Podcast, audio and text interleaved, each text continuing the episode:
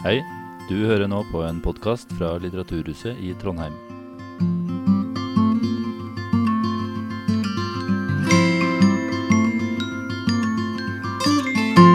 Ja, da tror jeg vi kan eh, begynne så smått. Det er bare å gjøre seg ferdig i baren for de som har behov for det. Jeg kan nå i, første omgang eh, introdusere eh, Stokmanndagene. Eh, hjertelig velkommen, alle sammen. Mitt navn er Trond Aam, og jeg er daglig leder for Litteraturhuset, eh, som arrangerer Stokmanndagene for, eh, for tredje gang. Eh, det er jo en liten sånn minifestival eh, eh, via eh, forskning og politikk, og brytningen mellom det å, eh, det å ha rett og det å få rett. Og det er eh, naturligvis Ibsens doktor Stokmann som er forelegget for, eh, for den festivalen. Eh, Vi syns det er en interessant figur å ha som utgangspunkt for eh, en festival om nettopp forskning og politikk. For det handler ikke bare om eh, sære og tverre eh, doktor Stockmann-skikkelser. Eh, Det handler også om på en måte ulike problemstillinger som av ulike årsaker kan være vanskelig å løfte. De kan være polarisert, eller det kan være tema som er underkommunisert.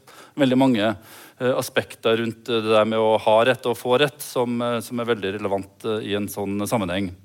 Eh, og så er vi da særlig glad for eh, i dag eh, at vi har fått eh, besøk av ingen ringere enn statssekretær eh, Oddmund Løkenskar Hoel. Eh, hjertelig velkommen til deg. Og vi skal da føre en samtale om, eh, om framtidas nasjonale universitet i en global tidsalder. Det er et ganske omfattende tema. eh, Og vi er veldig glad for at du stiller til en samtale om temaet. Og også kanskje særlig glad for at det er akkurat du som kommer òg. For du har jo en, eh, du har, du har en interessant bakgrunn i den rollen du har som statssekretær. Eh, Som professor i, eh, i historie. eh, Nå knytta til Høgskolen på Vestlandet, men med bakgrunn fra Trondheim. Sønn av Torlaug Løkenskar Hoel, professor ved NTNU, og av gammel venstreslekt i Oppdal. Bestefaren din var stortingsmann for Venstre på 60-tallet. Eh, Så jeg tenker sånn, Er ikke det en bakgrunn som gir sånn særlig gode forutsetninger for å på en måte være med å styre Utdannings-Norge i dag? Jo, det hørtes bra ut, det der. Det, eh, eh, eh, når du framstiller det på den måten, ja. ja. Uh, ja. Nei, altså det som uh, kanskje der jeg sitter nå, da, uh, er en For så vidt det er derfor jeg sitter her òg. I høyere utdanningsdelen av Kunnskapsdepartementet er nå pga. bakgrunnen min fra sektoren. Og det er jo for så vidt ganske typisk når en ser på statssekretærapparatet. Det er jo en over 50 av oss i regjeringsapparatet, og det, det er gjerne politikere, er gjerne allroundere. Altså statsrådene, eh, politikerne som blir statsråder, er allroundere, mens i statssekretærapparatet blir det henta inn folk som mer har sektorbakgrunn og har ei type faglighet da, i tillegg til politisk bakgrunn. Mm. Ja, for du har også en eh, fartstid i politikken. Ja da, jeg hadde jo ikke eh, Jeg hadde nok kanskje ikke sittet der jeg sitter helt eh, uten det. Jeg har nå jeg har nå vært lokalpolitiker for Senterpartiet i Luster i Indre Sogn, der jeg har bodd i over 20 år. Og sånn stort sett inn og litt ut av kommunestyret i den 20-årsperioden.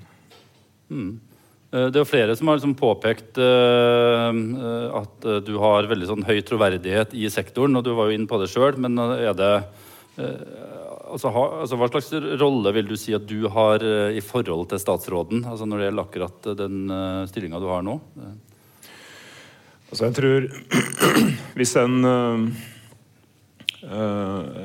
Nå har jeg driver, er jeg på min andre statsråd her. Uh, det som Men hvis en utvider det litt, da, øh, og ser bakover på Nå er det siden altså, Tora Aasland var vel den første eh, på 2000-tallet rene forsknings- og høyere utdanningsministeren. Det har veksla litt om det har vært egen statsråd eller en eh, kunnskapsminister, men eh, det er vel det har jo prega alle som har hatt det politiske ansvaret for sektoren, at en ikke har hatt noe særskilt bakgrunn fra forskning eller høyere utdanning.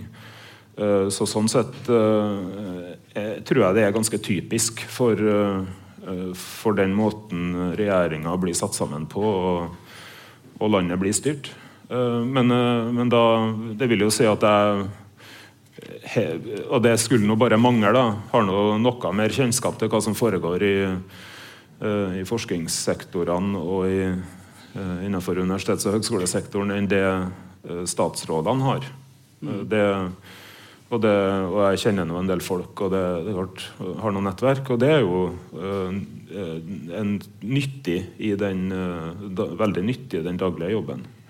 Så troverdighet, ja, det er noe hyggelig å høre det. Nå eh, vet vi jo nå om dagen at akkurat uh, tillit det er det veldig fort gjort å kvitte seg med. Så vi får nå bare være glad så lenge det varer. ja.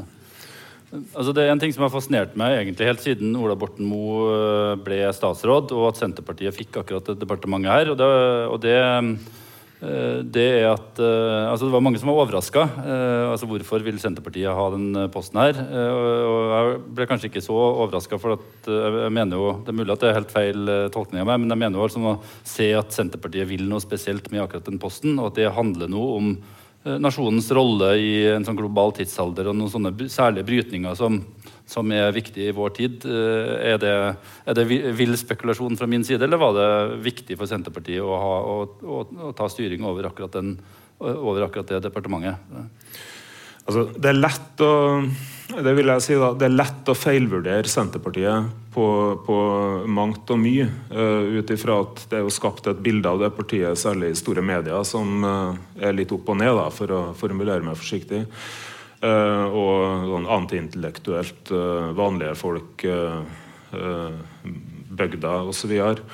Men det en har sett gjennom, gjennom det, i hvert fall det siste tiåret, og kanskje særlig i samband med, med både økende rekrutteringsproblem til en del profesjonsutdanninger i distriktene og strukturreformer i UA-sektoren for forrige regjering at det var en sterkt økende interesse i Senterpartiet for hva som skjer i, i den sektoren. Og jeg ble ikke noe Jeg, vet, jeg var noe, ante ikke hva som skulle skje på Hurdal, eller uh, hvordan det her kom til å komme ut. men jeg regna egentlig med at Senterpartiet kom til å gå inn for å sikre seg forsknings- og høyere utdanningsministeren i de forhandlingene. Og litt ut ifra at det var ganske opplagt at kunnskapsministeren ville Arbeiderpartiet ha, men at det da var Sånn at det var, det var beretninga om en varsla statsrådspost, akkurat det at, det at Senterpartiet sikra seg den. og det, det ligger jo Eh, og det kan en spore bakover både i, i, eh, i partiprogrammet og i det Senterpartiet har gjort i opposisjon. Og gjennom ganske mange år så peker det egentlig fram mot det her, vil jeg si. Mm. Interessant. Så er det det med din bakgrunn da, som, eh, som, historiker og politiker. Som det har jo en lang historisk klang. altså Historikere har jo spilt en viktig rolle ikke bare som politikere tidligere, men, men også som nasjonsbyggere. Og jeg vil lese et lite, et lite utsnitt her fra, fra roman 1987 av Dag Solstad. som jeg tenkte jeg skulle be deg om å forholde deg til etterpå. Og det er jo da det da han er student Fjord som reflekterer rundt hovedoppgaven sin i året 1968. Sitat jeg forsøker nå selvsagt å sette lys på det lite oppsiktsvekkende faktum at det rådet en harmoni mellom statsmakta og historieforskninga i mitt land. Dette ga også historiestudiet et optimistisk preg. Historikerne satt som utsendinger i sine spesielle århundrer og greide ikke helt å skjule at de gleda seg til det 20. århundre. Man kunne f.eks. oppholde seg i det 11. århundre og se de forferdeligste ting. Se, der er en trell. Og se, der er en bonde som blir valsa ned. Men bare vent, det går bra til slutt. For se, der har vi det 19. århundre, og trellen vokser opp på en husmannsplass eller et småbruk og drar til byen for å bli jernarbeider. Og se, bonden er blitt ordfører og stortingsmann og landets stolthet. Og nå kommer siste kapittel, det 20. århundre. Og se, der kommer trellen. Han er midt i flokken av de tusener som skaper landet, den organiserte arbeiderbevegelse. Og se, han kaster fra sin sterke neve et papir ned i valgurnen, og landet kan styres etter sin bestemmelse. Arbeideren har endelig kommet hjem. Han er blitt grunnfjellet i den norske nasjonen. Endelig, endelig, sukker historikeren. Det har vært en lang marsj, men det gikk bra til slutt. Hva tenker du om det utsnittet? Eh, jo, eh, det der høres ut som noe Halvdan Koht uh, har skrevet, egentlig. Om altså den stadige integrasjonen av nye grupper i, i, det, i storsamfunnet og i demokratiet som får sin uh, måtte bli fullenda med at uh, Arbeiderpartiet lager regjering i 1935. Så det peker veldig fram, åpenbart fram mot det. Uh, og, og, det som er Men det er kanskje i mindre grad innertier når det gjelder det som har skjedd de siste tiårene.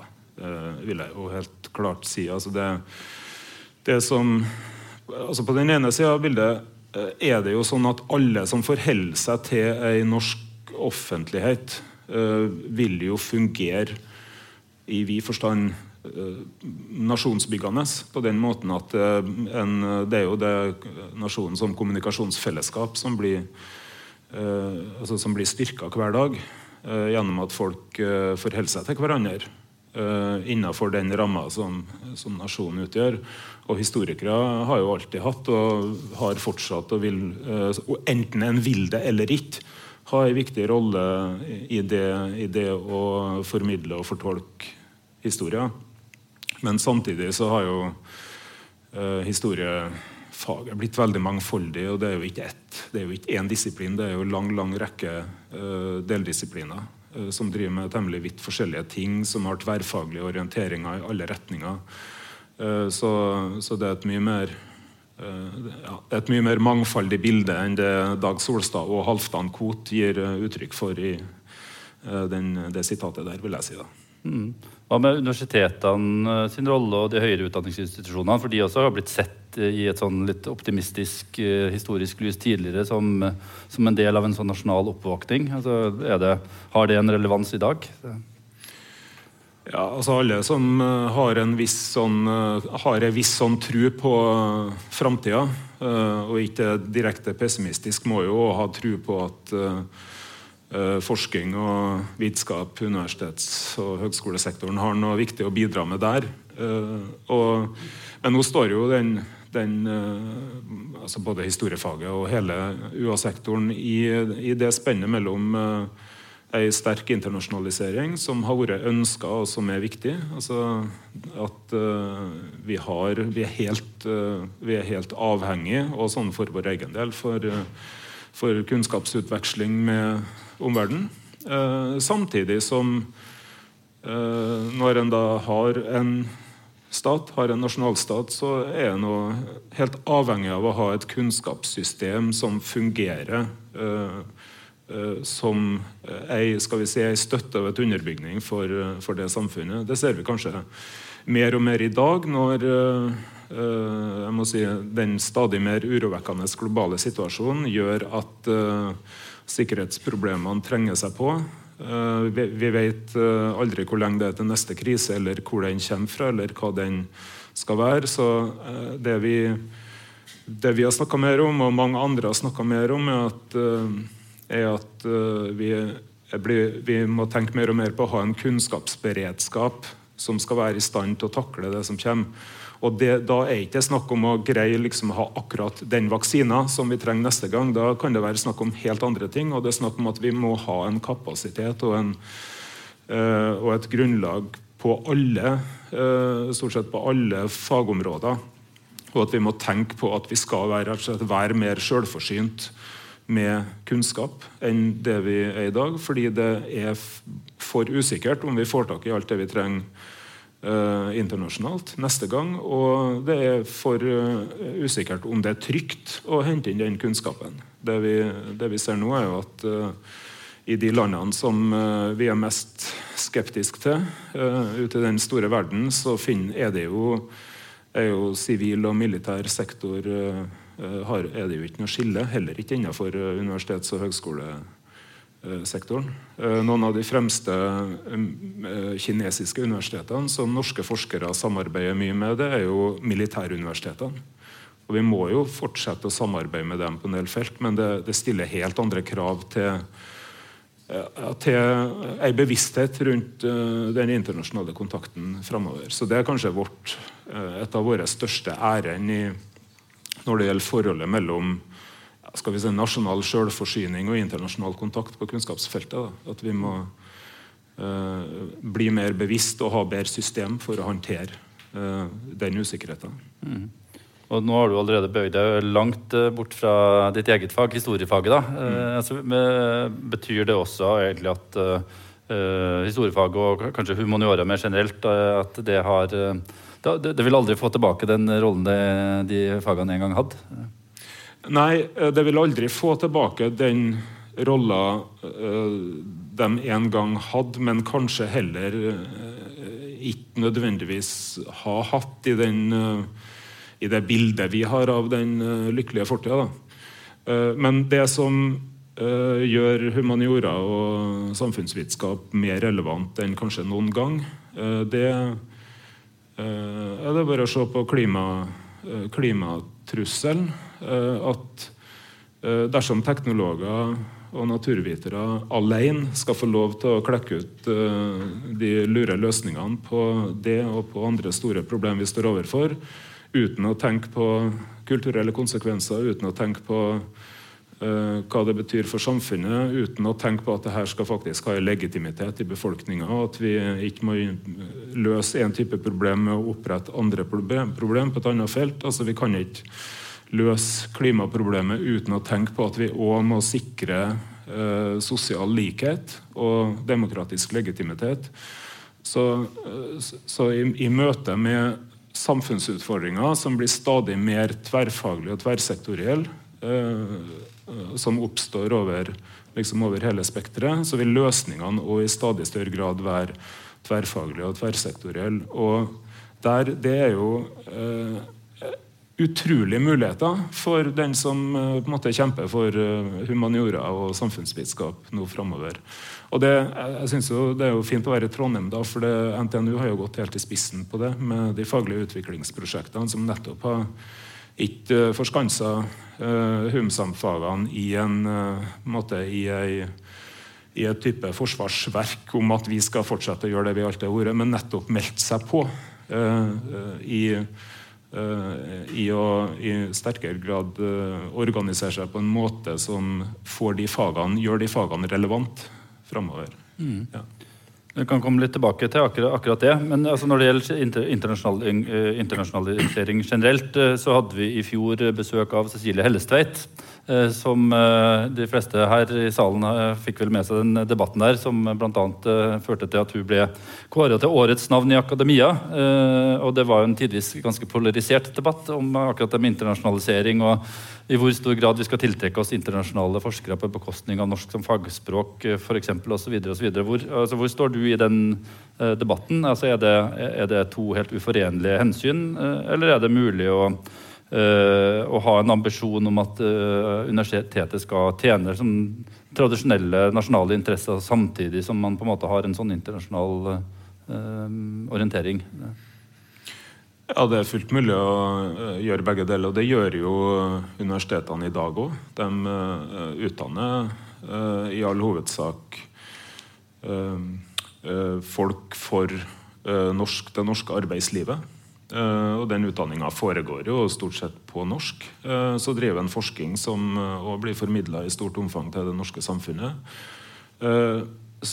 men uroa vår, da, der som jeg tror vi deler med Cecilie Hellestveit, det er at vi har sett ei utvikling i språkbruken som, som, først og fremst kommer av at vi har fått veldig mange flere internasjonalt tilsatte i norske universiteter og høgskoler. Noe som òg har veldig, veldig, mye bra med seg. Men det har ført til at både forskningspubliseringer på en del fag blitt, på norsk har blitt helt marginal, og at undervisninga i økende grad òg foregår på engelsk. Ikke bare på eh, doktorgrads- og masternivå, men at det òg begynner å få et visst omfang på bachelornivå. Og at det eh, fins lite lærebøker på norsk. Og det som er problemet med det her, er Uh, ikke nødvendigvis det at studenter må lære seg engelsk, men at vi er uh, I og med at uh, universitetene skal samvirke, utdanne folk og drive med forskning for et norsk arbeidsliv i stor grad, så er vi helt avhengig av å sende ut kandidater som har et norsk fagspråk. Som er med seg ut der. For ut der blir det snakka og skrevet norsk. Uh, og Det er den bekymringa for norsk fagspråk som gjør at vi har eh, laga en handlingsplan for å styrke norsk fagspråk i en situasjon der utviklinga har gått i feil retning over mange år, og der vi uh, nok har ja, gjort det De laga en politikk som, på det som for så vidt er den samme som det har vært tverrpolitisk enighet om i alle år, nemlig at norsk fagspråk er viktig, men vi har kanskje lagt uh, noe mer uh, ja, gjort uh, Funnet fram til en del virkemidler som, og laga en politikk for det som kan ha noe mer handling i seg enn det som ambisjonene om det her tidligere har inneholdt. Mm. Men Hva tror du det er mulig å oppnå? Det Nei, jeg tror det er mulig å oppnå ganske mye. Eh, for det, eh, det her har mye med Altså, det, det er klart det vi eh, det vi fokuserer på, jobben vår, der vi sitter, det går jo på regelverk, på økonomiske insentiv, på altså hvordan det her går inn i styringssystemet. Men først og fremst så er jo det her snakk om egen, tror jeg, økt bevissthet i fagmiljøene eh, og på institusjonene. Og den har vi sett har vært sterkt stigende de siste par årene. Så vi har, vi har ganske stor tro på at uh, altså, Parolen er jo uh, uh, engelsk, liksom, engelsk når du må, norsk når du kan. og nå har det òg vært for mye ubevisst bruk av engelsk. Og vi er jo ikke ute etter uh, å forby engelskbruk uh, på institusjonene eller å si at nå skal alt foregå på norsk på alle masterstudier. Men sånn, det er ikke det vi sier. Vi sier bare tenk gjennom om er det her uh, altså Glir en over i å bruke engelsk bare sånn mer sånn av en slags nygammel vane? eller har vi gode faglige argument for å gjøre det? Altså bare Den tankeøvelsen der rett og slett eh, kommer til å få, bety ganske mye hvis en får en økt bevissthet og kultur for å tenke gjennom språkspørsmålet. Mm. Men ser jo Mange institutter og forskningsfelt nå har jo etter hvert så mange utenlandske både ansatte og studenter at, eh, at det nærliggende å se for seg at eh, i mange miljøer nesten er umulig å praktisere norsk som fagspråk. Eh, ja. og det, det, er jo veldig store variasjoner. og Det noe, har vi vært tydelige på. at uh, uh, F.eks. For innenfor forskningspublisering så er det på en del fagfelt så foregår alt på engelsk. Og det, og det vil det fortsette å gjøre. og Det, det er ikke noe galt i det i seg sjøl. Men så har vi en del fagfelt, særlig på en måte humaniora, samfunnsvitenskap, juss, der det foregår Eh, fortsatt eh, ganske mye forskningspublisering på norsk. Eh, og som blir lest òg av en norsk offentlighet, og der, der grensa mellom vitenskapelig publisering og formidling ikke er sånn som i andre fag. Og Da må vi i hvert fall ha virkemidler som gjør at vi, ikke, at vi heller opp og, og den typen uh, publisering på norsk. da. Så det legger vi opp da. Men ellers uh, uh, er det Det er jo først og fremst undervisninga vi er opptatt av. Eh, og eh, ingen av de eh, du kan si ingen av de mer sånn, skal vi si, kraftfulle virkemidlene vi har satt inn her, retter seg mot de rene forskningsmiljøene. Vi kommer til å fortsette å ha forskningsmiljø, forskningssenter, som driver med forskning, ikke med undervisning, og, som, og der det må foregå på engelsk, med et stort, stort innslag av utenlandske tilsatte. Men eh, undervisninga trengs det et eh, økt bevissthet rundt. Mm. Er det mulig å skille her? Altså, hvis, det er mulig å ha misforstått forslaget, men er det sånn at eh, postdoktorer som bare skal være her i to-tre år, at de òg eh, må ta obligatoriske norskkurs? Eller eh, skil, differensierer man med, mellom fast ansatte og midlertidige? Nei, vi har jo sagt, uh, at, vi har sagt at fast midlertidige som har undervisningsoppgaver, altså fast tilsatte som har undervisningsoppgaver, skal lære seg norsk over uh, en viss tid. Men det innebærer at fast tilsatte og alle andre tilsatte som bare har forskningsoppgaver, skal jo ikke, det blir jo ikke omfattet av det, det, kravet.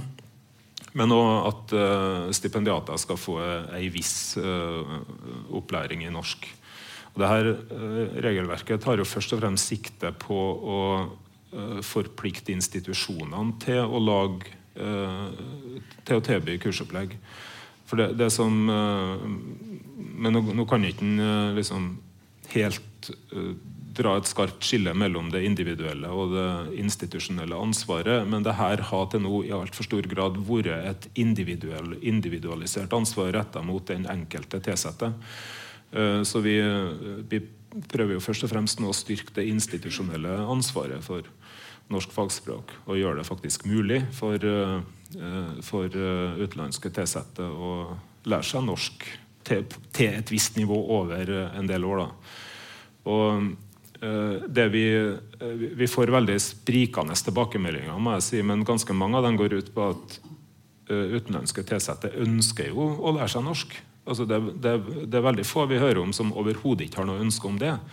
Men at de er i en situasjon der verken finnes gode opplæringstilbud eller der det blir særlig vektlagt. Eh, i institusjonene. Så, eh, så, det er det å få litt mer systematikk i jobbinga på institusjonene der òg som er det overordna siktemålet vårt. Så er det Et av de kanskje mest kontroversielle tiltakene som, eh, som regjeringa har innført i det siste, det er jo det med studieavgift på utenlandske studenter. Mm. Altså, hva, hva, kan du si om det? Altså, det er jo mange som viser til at nedgangen av utenlandsstudenter allerede er er merkbar? Er det et uttrykk for en sånn uh, isolasjonisme for å redde på en måte nasjonale universitetet, eller er det forankra i noe, noe annet? Ja, det er vel det, det, vi gjør på det feltet. Altså, det det betyr, jo at eh, studenter som kommer uh, utafor EU-EØS-området, må betale studieavgift. Vi er jo verken mer eller mindre isolasjonistiske enn alle andre land med å gjøre dette. her, For det her, eh, vi var det noe, etter det vi har registrert, det eneste landet eh, som var igjen som tilbød gratis undervisning til den gruppa. Det er noen tyske delstater som òg gjøre det. Så, men det er jo ikke noe vi for så vidt gjorde fordi vi syntes det var morsomt. Men det, vi, vi, har jo en ressurssituasjon i, i sektoren framover òg som ikke er særskilt for eh, UA-sektoren, men som gjelder si, helt sånn overordna eh, nasjonaløkonomien framover. Altså, det er demografiske endringer som gjør at det blir flere eldre og færre i arbeidsfør alder. Statsbudsjettet kommer til å bli trangere i årene som kommer. Eh, det dukker opp en del ganske dyre behov på andre felt òg nå framover. Stikkord forsvar. Det er lite realisme i å tro at det skal være en fortsatt vekst i uh, veldig mange av sektorene i, i, samfunnet. Og det er ikke noe realisme å tro at det skal være noe fortsatt vekst i UA-sektoren. Kanskje heller må en finne seg i noen trange rammer uh, sånn etter hvert som årene går. Og da er tanken vår at uh, altså den prislappen på det å ha gratis utdanning for alle i hele verden tilsvarer en sånn rundt regna har en prislapp på ca. 1 milliard i, den kapasiteten vi bruker på dette. Og da, da, er tanken vår ok, da er det en mer fornuftig prioritering å uh, bruke den kapasiteten på sikt på, uh, på noe annet. Mm. Men det er fortsatt slik at, uh, at uh, universitetstilgang brukes som et uh, bistandstiltak? altså F.eks. For, for å utdanne vannkraftingeniører til områder i verden hvor det trengs? Stemmer ikke ja, det? Jo, det er jo altså Nå innfører vi jo stipendordning. Eh, det har vi jo, eh, Nå kommer jo ikke statsbudsjettet på fredag, men det har vi jo sagt at der kommer det forslag om 200 millioner til ei stipendordning. Så det vil jo, som eh, går over bistandsbudsjettet. Så den vil det være utviklingsministeren som har ansvaret for, og den inngår som en del av norsk bistandspolitikk. Og Da vil noen innretninger på det og prioriteringene der komme etter hvert. Det blir det jobba med nå i Norad sammen med HKDIR, direktoratet vårt, skal utforme den ordninga. Men jeg har jo registrert i og det, er den ene sida av det. Og så har vi sett i Sverige, som gjorde akkurat det samme for snart 20 år siden. De hadde en nedgang som var like stor som til oss. Eh, men eh, nå la seg en veldig interessant artikkel fra noen i Umeå som har, altså, som har nå eh, kjørt et forskningsprosjekt på innføring av studieavgift i Sverige. Kom ganske nylig. Og de har dokumentert ganske greit. De skriver om grunnen til innføringa. Sånn. Det ligner veldig på oss, bare at Sverige lå 20 år før oss. Men der har jo tallet på tredjelandsstudenter økt igjen og er nå opp på ca. det nivået det var den gangen. Eh, men at det varierer veldig mellom institusjonene. Enkelte institusjoner har brukt uh, liksom har prioritert å gå ut i den internasjonale eh, markedet som det her er. Det er snakk om å konkurrere om studenter sammen med, altså imot andre land som òg har universitet som tar betaling. Eh, enkelte institusjoner har gjort det veldig skarpt, mens andre har bestemt seg for at det her prioriterer de ikke. Eh, eller hatt kanskje en motvilje mot det. Så, eh, jo, så det spriker veldig. da.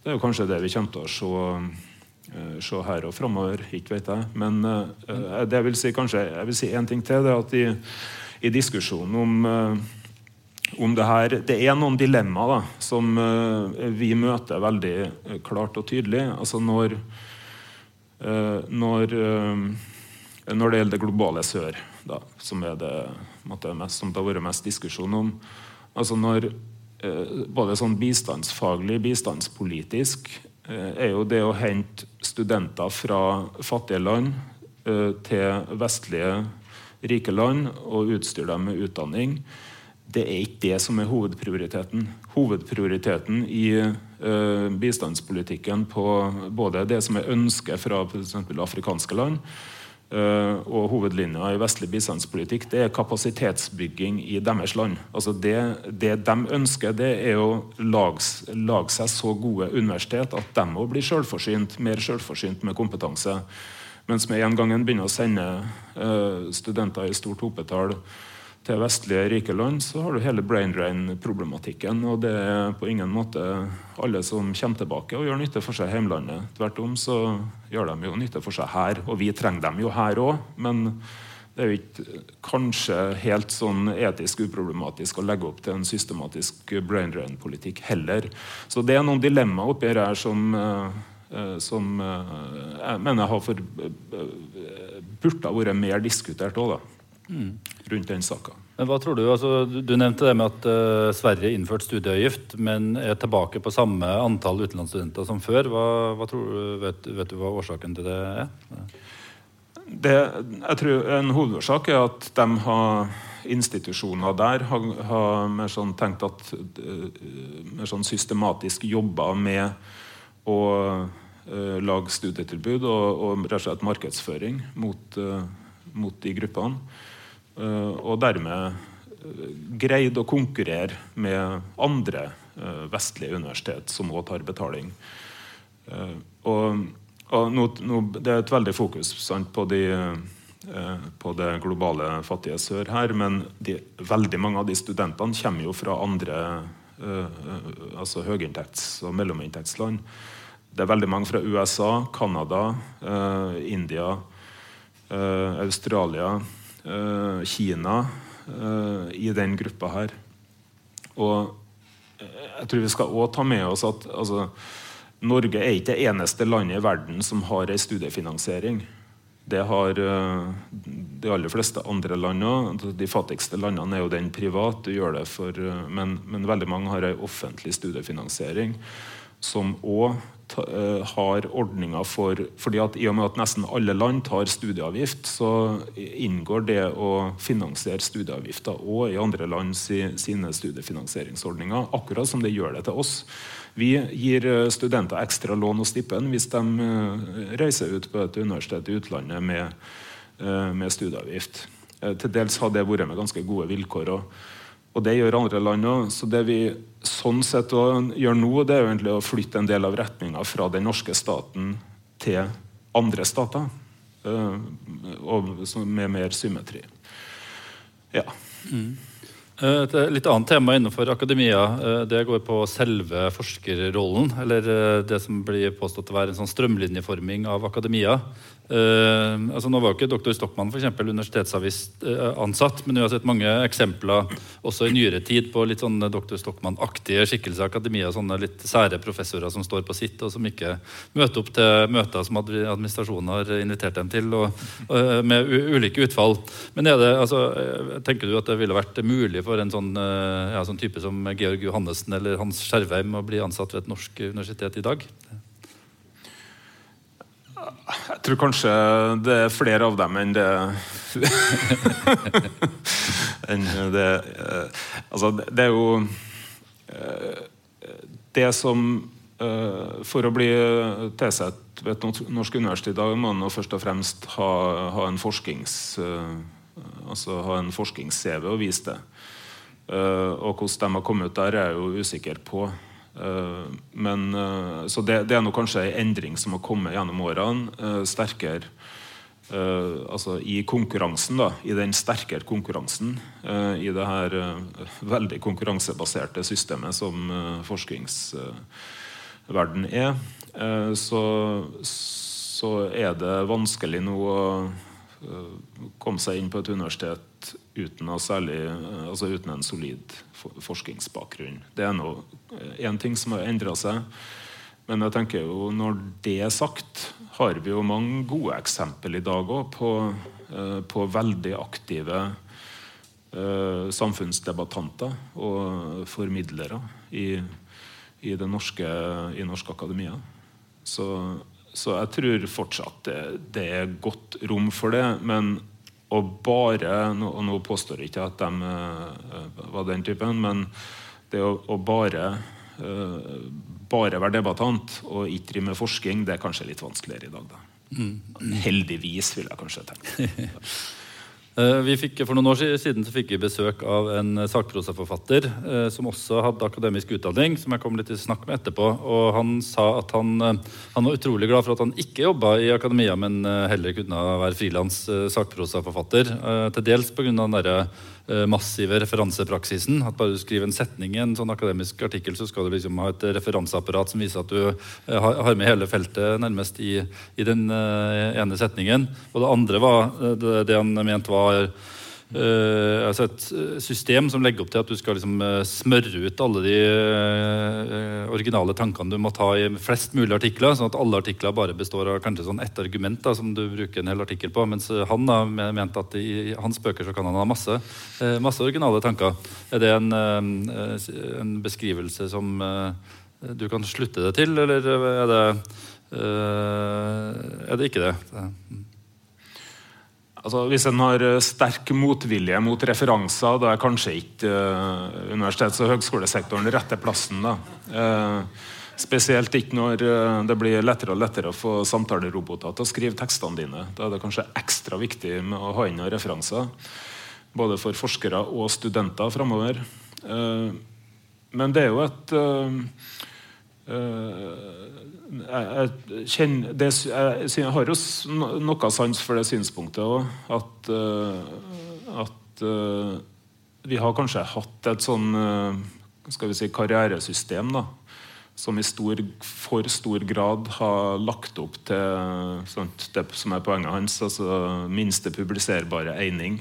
At hvor lite går det an, eller hvor mange, hvor mange artikler går det an å stykke opp et tema i for å få flest, mest mulig uttelling, lengst mulig CV, og, og, da, som vi har hatt til nå, flest mulig publiseringspoeng i finansieringssystemet som gir penger i kassa.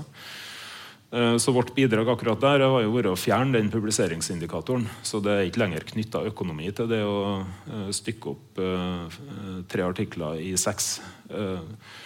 Hvis den gjør det, så gir det i hvert fall ikke mer penger. Og det har vært et viktig motiv bak det å det er en av grunnene til at vi har gjort den endringa i finansieringssystemet. Men eh, det, understreker kanskje verdien av at det faktisk finnes og det, altså det, finnes, det blir utført eh, det som vi må kalle forskning eller vitenskapelig aktivitet utafor universitetene, høgskolene og forskningsinstituttene òg. Og at det finnes noen uh, frirom, noen kanaler, om det er med fritt ord-stipend eller andre stiftinger, eller om det er journalister eller sånn. Skal, måtte, det, det, tror jeg er viktig. altså Et viktig supplement til, og kanskje til dels korrektiv til det som foregår mer strigla innenfor akademia. Mm. Uh, altså tidligere så hadde vi, uh, hadde vi, noen få universitet uh, i Norge.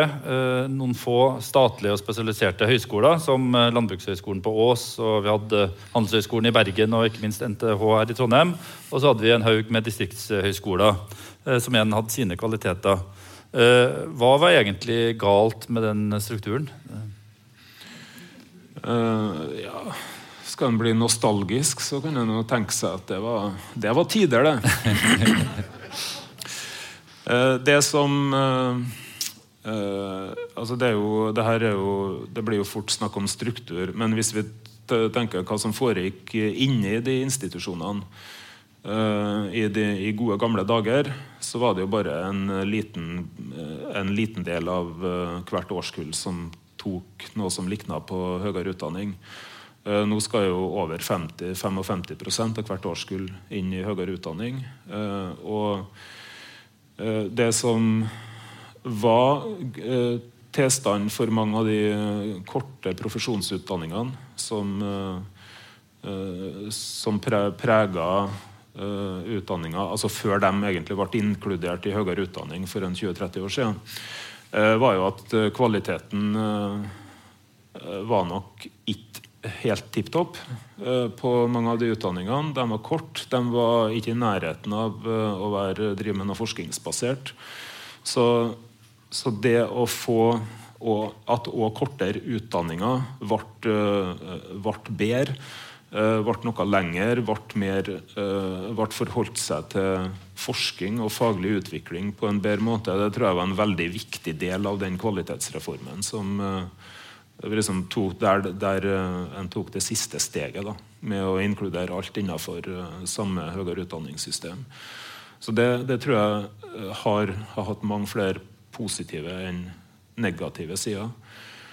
Men så er det, er det jo spørsmålet nå er jo å ha en godt liksom, Gikk en ett steg for langt uh, i det? Altså ha det å lage ett felles uh, system som alt skulle sluses inn i, med de samme kvalitetskravene, og der kvalitet i stor grad er definert uh, i forhold til uh, det kvalitetsomgrepet vi finner i de tradisjonelle disiplinutdanningene. og der kanskje erfaringsbasert kunnskap, profesjonskunnskap, har komme for langt ned da, uh, i det som egentlig trengs for å ha utdanninger som gir en god kvalitet. Uh, de yrkesutøverne som vi trenger. Og, det, er det, det, er jo der jeg oppfatter at diskusjonen går. Og det er jo en diskusjon vi er midt oppi, for vi skal lage en stortingsmelding om profesjonsutdanningene som kommer til, uh, nå til våren. Og der er jo et, et tema at vi kanskje må Eh, gå, gå et skritt tilbake til litt tydeligere arbeidsdeling. Eh, eller en klarere bevissthet om arbeidsdelinga i sektoren. Altså det er eh, det å utdanne en vernepleier som skal jobbe på Steinkjer, og det å utdanne en astrofysiker er kanskje ikke helt nøyaktig det samme. For å være litt polemisk, da. Det, men det er jo en diskusjon som har vært godt friskt i, i mange år nå. Men uh, det er sånn i hvert fall vi tenker. At en noe sterkere vekt, altså en bedre kontakt, at særlig profesjonsutdanningene må få, en, uh, få styrka kontakten med yrkeslivet, med arbeidslivet og med profesjonsutøvinga, er, er, er, må være viktig framover. Og at vi må gjøre noen grep i styringa av sektoren som fremmer det. Mm, mm. Uh, nå er det ingen uh, enkeltsaker som, som, har fått så stor oppmerksomhet rundt forskningspolitikken til regjeringa, og kanskje spesielt Senterpartiet, som, som reversering av nedleggelsen av Høgskolen på Nesna. Og I går kveld så mottok jeg en liten historie fra ei som jeg kjenner, som jeg tenkte jeg skulle gjengi her. For Hun skriver hun bor i Trondheim, da. Men hun skriver er selv på Helgeland nå, i mine forfedres rike, bl.a. Nesna, der min farmor på 50-tallet fikk sin lærerutdanning mot sin fars vilje, parentes fiskebonde og amerikafarer. Med lærerutdanning ble hun en selvstendig kvinne som kunne forsørge seg og sin sønn uavhengig av mann og familie. Hun var alenemor fra 1945 da hun flyttet fra sin mann fordi hun ville være mer i livet enn å være noens kone. Utdanningen på Nesna var i ferd med å bli nedlagt i 2018-19, men heldigvis reddet av nåværende regjering, inkludert Senterpartiet, om enn under annet styre enn høgskolen selv ønsket.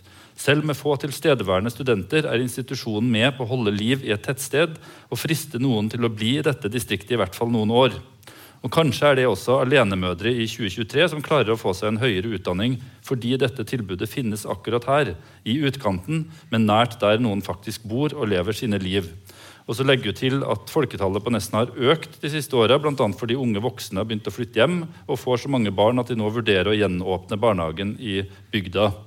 Eh, på den andre sida har vi jo da Steinar Stjernø, eh, som sto bak Stjernø-utvalget, som for, i sin tid foreslo nedleggelsen av Nesna, som for et par år siden uttalte at regjeringa burde ha vurdert å legge ned Nesna allerede for 15 år siden, fordi det var en av landets eh, svakeste utdanningsinstitusjoner. Og så spør jeg deg da, hvorfor, hvorfor, er det viktig å bevare Nesna? Er det for å redde distriktene, eller kan det også forsvares i utdanningspolitiske mål? Ja, og Det er jo ikke noe spesielt sterk motsetning mellom de to omsynene. Det som nå er i Nesna, er jo en litt spesiell fugl i høyere utdanningspolitikken. Uh, den nedlegginga skapte jo såpass mye rabalder at uh, våre parti gjorde det klart at den, blir, den nedlegginga blir stoppa hvis eh, vi kommer til makta. Så det eh, ble skrevet inn i Hurdalsplattformen. Så det hadde vi på lista da vi overtok departementet. Så da gjorde vi noe som vi hadde lovd, eh, så fort som mulig. Men det, det som det her er det er skal vi si, litt sånn særtilfelle nesten. Det har mye mer sånn generell interesse, mener jeg. Og det, for det vi har sett, er nettopp uh, ok, alenemødre som ønsker å ta noe utdanning, og vi, og, men og som ikke kan flytte til der det finnes en campus. det vi, det vi, vi laget, altså jeg tror En av våre vikt, aller viktigste stortingsmeldinger som vi kommer til å lage disse fire årene, den kom nå i vår. Utsynsmeldinga om kompetansebehov framover. Den viser at uh, det som alle leser om i avisa hver dag, det er arbeidskraftmangel i alle bransjer. Uh, særlig viktig innenfor enkelte yrker. Sykepleie, eh, IKT. Nå er jo katastrofetall i søkinga til lærerutdanningene, så det kommer til å bli et, en stor mangel der òg hvis det fortsetter på den måten. Og hvis vi skal få tak i flere folk til å studere på de her universitetene og høgskolene, så må en tenke annerledes om det. Eh, en må eh, begynne i større grad å innrette virksomheter så en får tak i de voksne eh, altså voksne folk som enten ikke tok høyere utdanning eller ikke ble ferdig med henne, og ha tilbud som gjør det praktisk mulig for dem å ta dem. Og Da er nettopp det å ha de tilbudene geografisk ikke så altfor langt unna avgjørende. Og da trenger Vi vi har en desentralisert struktur i norsk høyere utdanning. Mange campuser. De er jo grunnstammen i det, men vi har i tillegg finansiert et sett med studiesenter, som er, som er sånne møteplasser mellom lokale, lokalt arbeidsliv og utdanningsinstitusjoner for nettopp å kunne tilby mer fleksibel og desentralisert utdanning. Og det tror jeg er helt nødvendig framover å utvikle det videre for å rett og slett kunne kunne dekke eh, kompetansebehovet mest mulig. Og Nesna har jo, eh, det har jo vært litt sånn harselas i enkelte medier med at det var, når en teller studenter, det var ikke så mange som søkte. Men eh, det var jo ikke noe flere i Bodø. Sånn at det er jo det er på lærerutdanninga. Så det, det, det, at en nå har så store rekrutterings problem til enkelte utdanninger, eh, spesielt i Nord-Norge og sånn utover i distriktene, gjør at en, liksom, en trenger hver eneste student. En greier å få tak i på en eller annen måte på en eller annen plass. Og, og det som, eh, Hvis vi flytter oss litt nordover fra Nesna til Finnsnes, eh, der har de et sånt studiesenter som har drevet på en stund. Midt-Troms studiesenter. Eh, de fikk sammen med Universitetet i Tromsø rigga til en sånn deltidsutdanning på, for grunnskolelærer 1-7. Det var et av de mest søkte uh, lærerutdanningstilbudene å gjøre. Altså, de hadde veldig stor interesse. I motsetning til resten av altså nesten alle andre utdanninger. Og Det var jo nettopp fordi de traff. Uh, der var det et litt sånn oppdemt behov. Der var det noen som ønska å ta lærerutdanning i kommunene rundt der. Kommunene har gjort en god jobb med å mobilisere dem.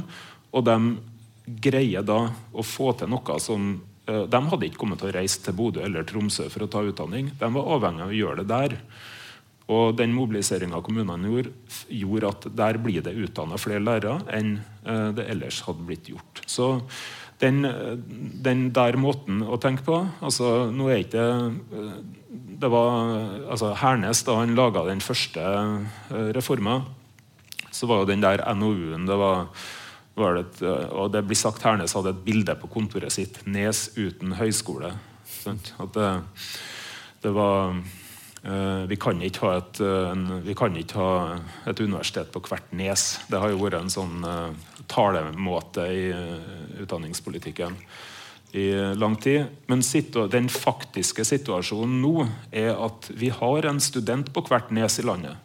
Så Oppgaven for eh, universitets- og høgskolesektoren er nå å tenke på hvordan kan vi nå fram til den studenten som faktisk bor der og ikke har tenkt eller kan bo noen annen plass. Mm. Så det, det, er et av de kanskje største skiftene i, uh, i høyere utdanningspolitikken vi står midt oppi akkurat nå. Mm. Mm. Eh, vi skal straks åpne for eh, spørsmål fra salen og gå inn for landing her. Så det er bare å begynne å pønske ut eh, spørsmål og tegne seg hvis det er noen som har noen ting. Men jeg tenkte å gå inn på uh, Danmark. For der har jo forsknings- og utdanningsministeren nettopp lagt fram en ny universitetsreform som har vakt veldig mye rabalder i Danmark, i hvert fall særlig fra akademisk hold, som i hovedtrekk innebærer at man ønsker å redusere antallet studieplasser i akademiske fag for å få flere over på fag- og profesjonsutdanning. Og Du har jo allerede antyda noe kanskje litt lignende i den stortingsmeldinga som skal komme til neste år. Men hva, eh, hva tenker du om, eh, om, den danske modellen? Nei, Danskene har jo eh, både her og for så vidt andre felt og går jo litt mer hardhendt fram. da. Det er jo ikke det står jo ikke på planen å gjøre noe som ligner på Danmark i virkemiddelbruken. Men eh, når det er sagt, så er Danmark står overfor akkurat de samme utfordringene som oss. Nemlig eh, det blir flere eldre, det blir færre i arbeidsfør alder. Hvordan skal vi bruke eh, den arbeidsstyrken vi har, best mulig? Hvor, hva er de høyest prioriterte kompetansebehovene? Og det er jo det vi har formulert en politikk for i, i utsynsmeldinga vår òg som nå i, fra vår side går ut på i hvert fall å peke på at det er noen felt vi må få opp utdanningskapasiteten på uten at det kommer til å, bli, det kommer til å skje med tilførsel av uh, frie midler, nye friske midler, sånn som uh, en har gjort før. All vekst i all vekst tidligere har jo vært finansiert med friske midler stort sett i UH-sektoren. Sånn kommer ikke til å være framover. Så det vil jo innebære en omprioritering av kapasiteten, uh, men uh, får vi tro, da, ikke med liksom, harde virkemidler av den danske typen, men at vi greier å gjøre det over en del år uten ja.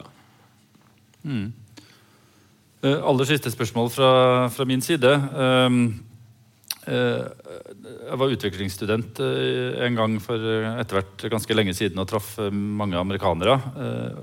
Og der fikk jeg inntrykk av at en amerikaner kunne ta en bachelorgrad i kunsthistorie og allikevel gå inn i en eller annen sånn businessjobb eh, etterpå. At en eh, mye større variasjon i hva slags type jobber du kan få med egentlig hvilken som helst type utdanning. Mens her i Norge så har det framstår det i hvert fall som mye vanskeligere for f.eks. en humanist å, å, bli tatt i betraktning på jobber som ellers går til ingeniører eller jurister og sånn. Sjøl om det egentlig ikke hadde behøvd å være sånn. Altså, ser du for deg en endring der? at at arbeidslivet eh, kan ta imot flere eh, fra universitetet? Eh, eller er Masseuniversitetets tid på en måte forbi? At man må mer over på profesjonsutdanning og tydeligere løp for å gjøre seg relevant i arbeidsmarkedet? Ja, det er flere ting å si om det. Det ene er at det er òg en stor mangel på fagarbeidere altså som går yrkesfag på videregående. og og kanskje fylle på med fagskoleutdanning uh, videre. Og det er jo noe en må løse innenfor det, det, her. Så det vil kanskje være ønskelig at uh, det er flere som tar yrkesfag enn studiespesialisering på videregående. Det vil jo uh, gå utover rekrutteringa til universitet og høgskoler. Det er relativt klart noen typer Eh, noen, type, noen typer utdanninger der det trengs mer folk. Eh, sånn som en del helseutdanninger, IKT, teknologi. Sånt, eh, alle typer utdanninger som er nødvendige for grønn omstilling. Men det inkluderer jo humanister og samfunnsvitere òg. nå vet ikke jeg Jeg har ikke noe grunnlag for å mene om det er lettere for kunsthistorikere å få seg businessjobb i USA eller enn det her. Eh, det kan godt hende det er det, men det vi konstaterer er at alle sammen får seg jo jobb. Det er jo ikke arbeidsløse omtrent å snakke om for folk med høyere utdanning. Altså Humanister og samfunnsvitere med de mest for så vidt uh, ukurante fag, de får seg jo en jobb. Uh, men den kan jo ligge et stykke fra det en har utdanninga si i, så det er jo ikke der problemet ligger heller. da, Sånn som uh, situasjonen er nå. Men det som jeg tror en del av løsninga der er å, å bli, at universitetene og høgskolene blir flinkere til å kombinere utdanninga. Et eksempel er jo IKT. Altså, trenger flere, trenger, eh, det er jo et felt der vi jobber med å få opp kapasiteten. Eh, det er en, bra kapasitetsøkning nå. 5 flere som, eh, i opptaket nå enn i fjor på IKT-utdanninga. Men eh, det, det er, og det sier jo IKT-næringa og dem som har bruk for de folkene. Vi er, vi er, like, vi er ikke bare interessert i å ha de rene teknologene som har tatt uh, IKT. Vi er like interessert i å ha dem som har IKT som en del av en annen utdanning. Altså, vi trenger samfunnsvitere som har IKT, økonomer som har IKT. Og, så det er nettopp det å lage, bli flinkere til å lage kombinasjoner mellom ulike typer utdanninger som jeg tror er helt avgjørende for uh, og måte, dekke det kompetansebehovet vi har framover. Mm. Oddmund Løken Skarhol, tusen takk for at du stilte her under Stokmann-dagene. Så.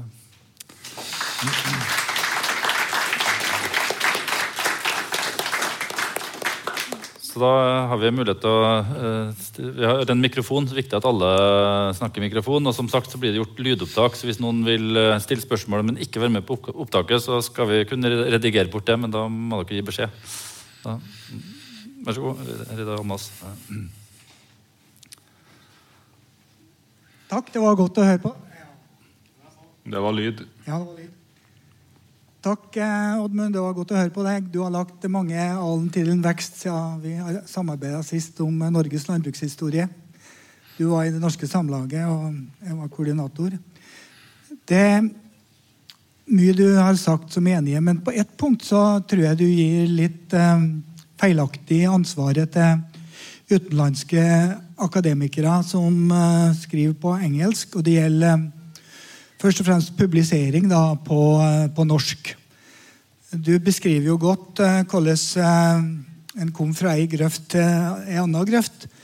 her må jeg nå bekjenne at både skyld og ansvar jeg husker da jeg kom tilbake fra USA i 1988 etter å ha delt kontor med en amerikansk professor der, så var det to ting jeg la vekt på til mine ansatte på bygdeforskning.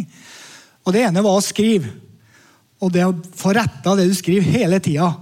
For vi delte kontor, og jeg så hvordan de gikk gjennom denne eh, vaskemaskina og få retta og korrigert sine manus. Og det andre var publiser, publiser, publiser. og på engelsk i internasjonale tidsskrift. Og jeg husker Vi innførte belønningsordninga belønningsordninger for å få publisert artikler på engelsk. Det var et sterkt press for å gå over til eh, eh, basert på artikler på engelsk. Det fantes nesten ikke tidsskrift. Det fantes enda så vidt et tidsskrift som heter Landbruksøkonomisk forum. Det forsvant i 2007. Så jeg mener at, eh, og, Forskningsrådet kom jo også etter i slutten av 90-tallet og tidlig 2000-tall med å belønne eh, publiseringspoeng, og vi, fikk de her tellekantene. Men det begynte med oss norske. Mange gjorde det her før Forskningsrådet, og vi havna i motsatt grøft. og Jeg kunne ikke drømme om at det skulle bli så vanskelig å få publisere på norsk. For det som nå skrives på norsk, det skrives eh, stort sett som kronikker. Eh, litt likere i humaniora enn i samfunnsvitenskap. I samfunnsvitenskap er det veldig trangt eh, nåløye tidsskrift for samfunnsforskning.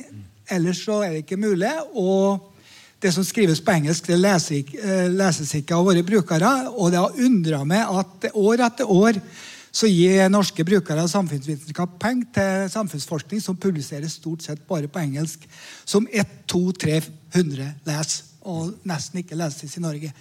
Så jeg vil høre med deg, Hva tenker du om det? Hvordan skal vi komme oss opp på veien igjen? Eh, for jeg tror at eh, det har tatt 30 år å komme i grøfta. Det kan hende det tar noen litt mer enn to år. Eh, hvor lenge dere blir sittende, vet ikke jeg. Det, det, er noe litt sånn oppvask, det er lenge. oppvask for tida. Ja, gratulerer med det at du overlevde tillits, eh, tillitsoppvasken i regjeringa. Altså, det, det, er et ord som sier at til, tillit kommer til hest. Det kommer til fots, men forsvinner til hest.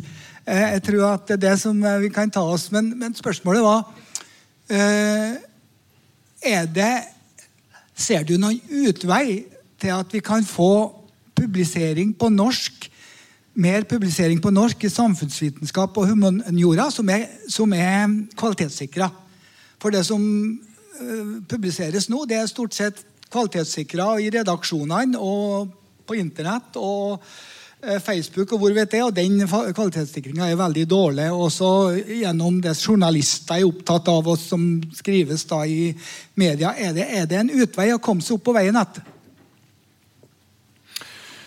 Ja, det var et, må, Først det med til fots og hest. Da kan jeg nevne at uh, min nye sjef, da, Sandra Borch, hun var for uh, noen uker siden og, på Bjerke travbane og kunne fortelle at nå vil regjeringa betale for sånn uh, altså, veterinær i samband med hesteløp. Det ble, veldig populært. Så fikk, vi får sånn medieklipp i departementet da, hver morgen da kom det et oppslag fra det kjente mediet Trav og Galopp. Der var bildet av Sandra. Sandra Borch, en lystig dame. En, en, lystig tobeint hoppe. Så det var Det vekte allmenn munterhet i Kunnskapsdepartementet, kan vi si. Ja. Eh, men uh, hun har nå ikke eh, hoppa på den hesten ennå. Nei, det som til dere Jeg tror jeg, er helt enig med deg. Altså, det, det, som jeg, Det var først og fremst altså det med det utenlandske tilsettet. og først og fremst undervisninga jeg sikta til. At det er en drivkraft, drivkraft der. Og, og, det er på ingen måte deres skyld eller ansvar. Det er institusjonene sitt, sitt ansvar, dette her. Eh, det er òg viktig å presisere. Altså alle, og det har vi sagt også, alle utenlandske ansatte uh, på norske universitet er hjertelig velkommen og skal tas skikkelig godt vare på. Og kanskje enda bedre vare på at de får et enda bedre norskopplæringstilbud enn i dag fra institusjonene. Men så når det gjelder forskninga, der er jeg helt enig med deg der. Altså det, jo, det, har jo begynt med at norske uh, forskere har orientert seg internasjonalt. Uh, og så har jo det Det er det jo uh, Det skal Det har jo vært hatt mye bra med seg.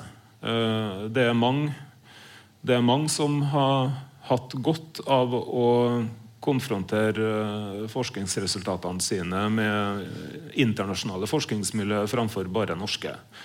Det skulle for så vidt må nesten si, det skulle flere av oss gjort mer av. Men Eh, det er jo summen av det der, da. At du nettopp havner i andre grøfta. Eh, og det som Jeg tror to ting er viktig med det. Det ene er at vi i hvert fall holder opp og kanskje stimulere den norskspråklige vitenskapelige publiseringa som faktisk finnes gjennom tidsskrift og gjennom, og gjennom antologier og og en del monografier blir det fortsatt skrevet. Eh, det er viktig.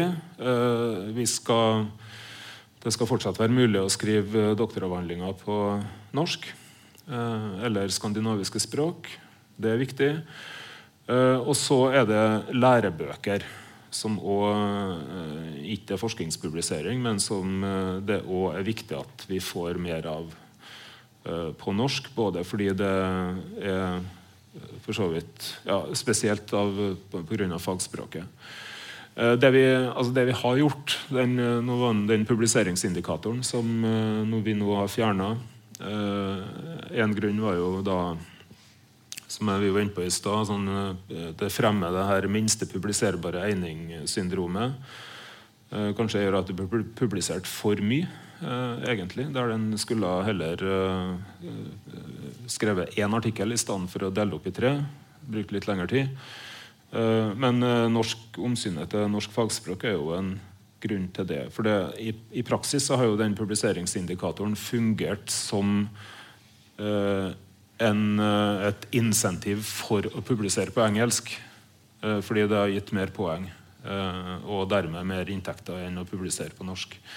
Så, så, nå har vi i hvert fall fjerna den typen diskriminering da, av norskspråklig vitenskapelig publisering. Men det her er jo Det er jo ikke noe lett altså, Det vil fortsatt være veldig attraktivt for norske forskere å samarbeide internasjonalt og være med i internasjonale forskningsprosjekt. Og jeg tror ikke Vi kan jo være pessimistisk eller optimistisk, men jeg tror uh, Jeg tror iallfall at det, liksom det, å ta vare på det som i hvert fall finnes i dag, og sørge for at vi styrker den støtta til norskspråklige tidsskrift, sånn at det blir mulig å opprettholde særlig kanskje forskerstyrte tidsskrift. At vi styrker mulighetene for å skrive lærebøker, og at vi ja, hva skal vi si, generelt snakker opp verdien av Og det, det, er jo en utfordring til fagmiljøene. Altså det, mindre, det, skal ikke være mindreverdig å publisere en artikkel på norsk, men det har det til dels blitt en kultur for at det er. Og det, uh, ja. Ja, det var et spørsmål bak der. ja. Det var Fint om alle presenterer seg. Hei. Guro Korsnes Christensen. Jeg er instituttleder på Institutt for tverrfaglige kulturstudier på Humanistisk fakultet. Veldig spennende debatt, og det er mange spørsmål det brenner inn med. Men jeg har lyst til å velge med ett som, et tema dere ikke har vært inn på, som er eksternfinansiert forskning. Det instituttet jeg jobber med, har vært en av dem som har lyktes veldig med eksternfinansiert forskning, både fra Forskningsrådet og fra EU. Og det har jo gjort at vi har fått et veldig dynamisk, ungt og ganske stort miljø med mange forskere med spisskompetanse på viktige temaer. Det kan være energiomstilling og digitalisering, annet. Eh, og det har jo gjort at vi har høy kompetanse inn i undervisninga vår, helt til forskningsfronten, og dermed rekrutterer godt med studenter. Men med utsynsmeldinga så ble vi ganske bekymra i forhold til det at eksternfinansiering kanskje ikke skal lønne seg på samme måte som det har gjort fram til nå. Og du snakker om arbeidsdeling. Skal vi også her se for oss en arbeidsdeling der det er SINTEF og andre forskningsinstitutter som skal ta seg av den konkurransestyrte eksternfinansieringa, eller er det også oppmoda til å ville bli belønningssystemer der også universitetene og sånne institutt som KULT da skal fortsette med det framover. Eh, da sikter du jo til endringer i finansieringssystemet. ikke sant? Ja.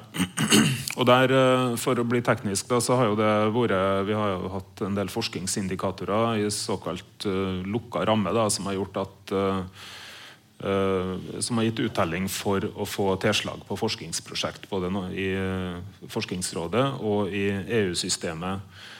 Eh, men det har jo ikke tilført mer penger til sektoren. Det har bare tilført da, flytta penger litt mellom institusjonene.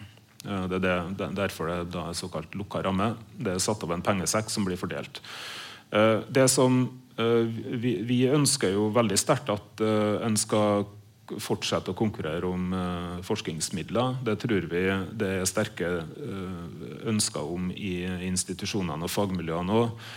Uh, men at den store, den store, premien med å, i det når en søker om forskningsmidler, det er jo å få tak i selve forskningsmidlene, ikke de der ekstra stimuleringsmidlene som for så vidt institusjonene, institusjonene beholder jo de pengene nå, bare at de er ikke konkurranseutsatt lenger. Eller resultatutsatt. Så institusjonene står jo helt fritt til å lage seg ordninger for å, for å stimulere til, uh, stimulere til uh, å skrive forskningssøknad, hvis det er det institusjonene ønsker. Men en, det er fortsatt mye penger å få tak i i både EU og Forskningsrådet for de forskningsmiljøene som søker om penger. Og så har dere der det må jeg si, En grunn til at vi fjerna det der, det var jo en generell opprydding. Vi ønska å uh, få kraftig ned tallet på resultatbaserte indikatorer fordi det har blitt et for stort og uoversiktlig system der de ulike indikatorene delvis slo hverandre i hjel. og var et sånn parallelt styringssystem til det vi egentlig ville ha litt sånn større teoretisk debatt, akkurat dere. Men det som vi så da på den der EU-indikatoren, det var at, eh, som òg var samme type altså Tilslag i EU-systemet gjør at du får uh, Det er en pott penger som blir fordelt til dem som har uh, uh, får best uttelling på EU-søknad. Det var jo at de institusjonene som hadde, var flinke i utgangspunktet, og lå høyt der når de fortsatte å være like flinke, men andre institusjoner ble flinkere, eh, så i og med at dette da bare er ei lukka ramme i en pengesekk Og NTNU var en institusjon som lå ganske lågt, men som hadde ei stigning. Det innebar jo at de som eh, var like flinke, og kanskje hadde litt vekst òg, eh, de tapte jo i forhold til institusjoner som gjorde det dårlig i utgangspunktet og hadde sterkere vekst. Så det ble faktisk flytta penger fra Eh, fra eh, universitetene i Oslo og Bergen til NTNU gjennom den prosessen.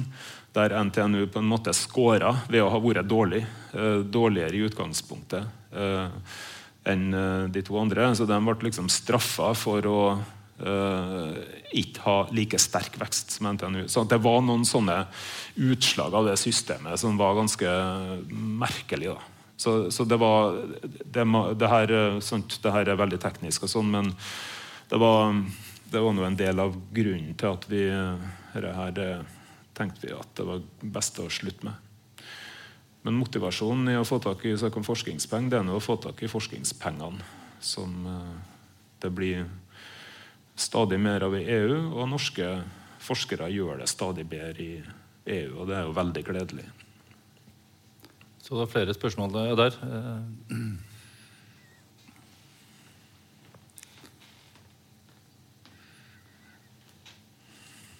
Ja, eh, jeg er så heldig at jeg er kanskje én av to eh, forskere fra utlandet som ble rekruttert av norske universitetene. Jeg heter Rolli Aranya, forresten. Jeg er professor i byplanlegging på NTNU. Mm. Og, og, jeg er veldig glad for å kunne høre litt av de argumentene bak noen av de endringene som har skjedd i sektoren. fordi vi ser jo bare konsekvensene. Vi hører veldig lite av de tenkningen bak. Da. Men det én ting som jeg vil ta opp, det du sa om kunnskapsutvikling, og Norge vil være mer selvforsynt med kunnskapsutvikling. Uh, og det var en av de argumentene for å nedprioritere eh, internasjonalisering. Da, uh, fordi vi vil jo øke kapasitet for kunnskapsutvikling her. Men også kunnskap er heldigvis, eh, heldigvis, en ressurs som blir bare mer av jo mer man deler. Uh, så det er ikke sånn at man kan samle på kunnskap, og så blir, uh, blir det mer av. Og du sa noe om at kunnskapsutvikling har blitt mer og mer tverrfaglig og mer tverrsektorielt. Men også kunnskapsutvikling i veldig mange av de utfordringene som vi må møte, er jo også tverrkontekstuell. Og Det som har vært fordelen med den uh, tidligere politikken rundt internasjonalisering, er jo at vi har fått rekruttert både studenter og forskere eh, som har tatt med seg den tverrkontekstuelle eh, bakgrunnen sin og har vært en fordel for kunnskapsutvikling i norske institusjoner. Og det kommer vi til å miste til dels. Du snakker om at det skal være eh, en, en fremdeles en fokus på internasjonalisering i forskning, men ikke så mye i utdanning. Eh, men det er jo en veldig tett kobling mellom de to. Eh, vi har jo rekruttert noen av våre beste forskere fra de utdanningsprogrammene. og de har vært også en måte å formidle den kunnskapen som utvikles i, forskning. Så den, den, uheldige resultatet blir jo også en mye sterkere skille mellom det som er forskning, som er mer internasjonalt rettet, rekrutterer internasjonalt, men utdanning som blir mer lokalt. da. Og så får ikke nytte av den forskningen som skjer, fordi nå også innfører vi en språkpolitikk som skal da eh, eh oppfordre mer til eh, publisering på norsk. Og det har jeg ingenting imot. Men den resultatet blir jo at vi klarer ikke å rekruttere gode nok forskere fra utenlands som de vil tenke at det, altså det har jeg også mange anekdotiske eksempler på. I en EU-søknad nå nylig ble vi stilt spørsmål til om NTNU blir en interessant partner fremover fordi det blir mindre internasjonalt. Eh, også for de europeiske universitetene. Det kan være anekdotisk, men det, de effektene har vi begynt å se. Så jeg vil egentlig høre litt fra deg hva du tenker eh, på de konsekvensene angående rekruttering av oss, også forskere eh, når man går så ned på å rekruttere internasjonale studenter. Uh, det, her er det flere ting uh, jeg skal prøve å sortere litt. Det ene, når det gjelder studentrekrutteringa, så Ja, et par ting å si om det. Det ene er at, uh, at innenfor EU, EØS-landene, så er det jo fortsatt altså, Regelverket er sånn at studenter fra EU-land skal kunne studere her i landet på samme vilkår som norske studenter. Så for dem er det jo gratis fortsatt. Eh, på samme måte som at det er gratis for norske studenter til de landene som har gratis utdanning for sine egne studenter. Og det meste av studentmobiliteten det, jo, det er jo innenfor Europa. Eh, og Europa er stort. Så det vil fortsatt være mange, eh, mange der. Og så har vi videre sagt at altså i tillegg til den stipendordninga for gradsstudentene som vi lager, som nå er retta mot det globale sør, så ønsker vi jo mer utveksling. Eh, derfor er det jo, altså, det er jo ikke noe studieavgift på utvekslingsstudenter. Eh, og Fordelen med utvekslingsstudentene er at de er ikke individuelle studenter som kommer for egen maskin. De er studenter som er kobla opp i faglig samarbeid mellom en norsk og en utenlandsk institusjon. Det ønsker vi mer av. Og det er jo et samarbeid som ofte òg både kombinerer utdannings- og forskningssamarbeid. Så der er det fortsatt fritt fram. Uh, og vi har sett en, faktisk en øke i tallet på utvekslingsstudenter nå. Så, og det illustrerer òg egentlig det neste poenget mitt der. Internasjonaliseringa er kommet for å bli. altså Den er gjennomgripende både på forskning og utdanning. Den kommer til å fortsette. Uh, og uh, ingenting av det vi gjør med jeg skulle til å si Samme hva vi måtte ha funnet på, kommer til å stoppe den.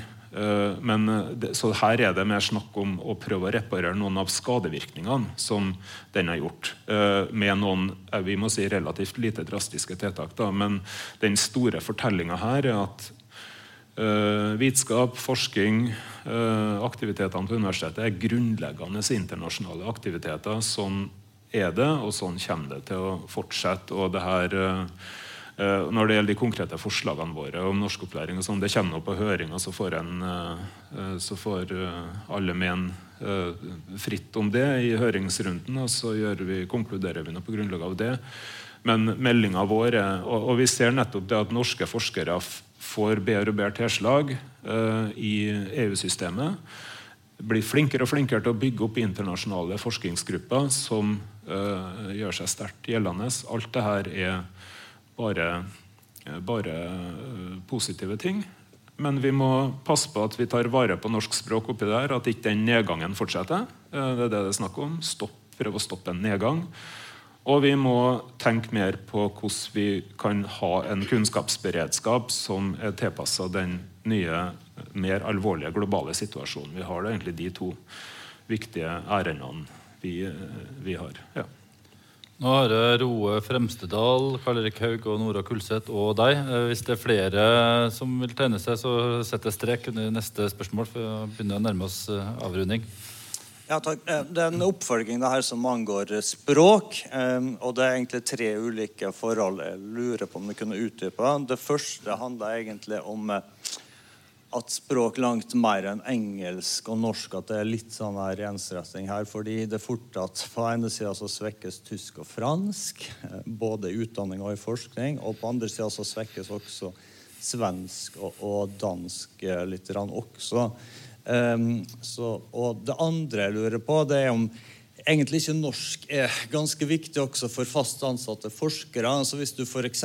skal lede en forskningsgruppe, så må du gjøre det del, som en del av et landskap hvor det er masse norske regler og ordninger. Og for å kunne greie å lede og administrere og, og orge ting her, så må du rett og slett ha en del eh, språkferdigheter. Og også ha en viss forståelse egentlig av den norske konteksten og alle føringene som er der.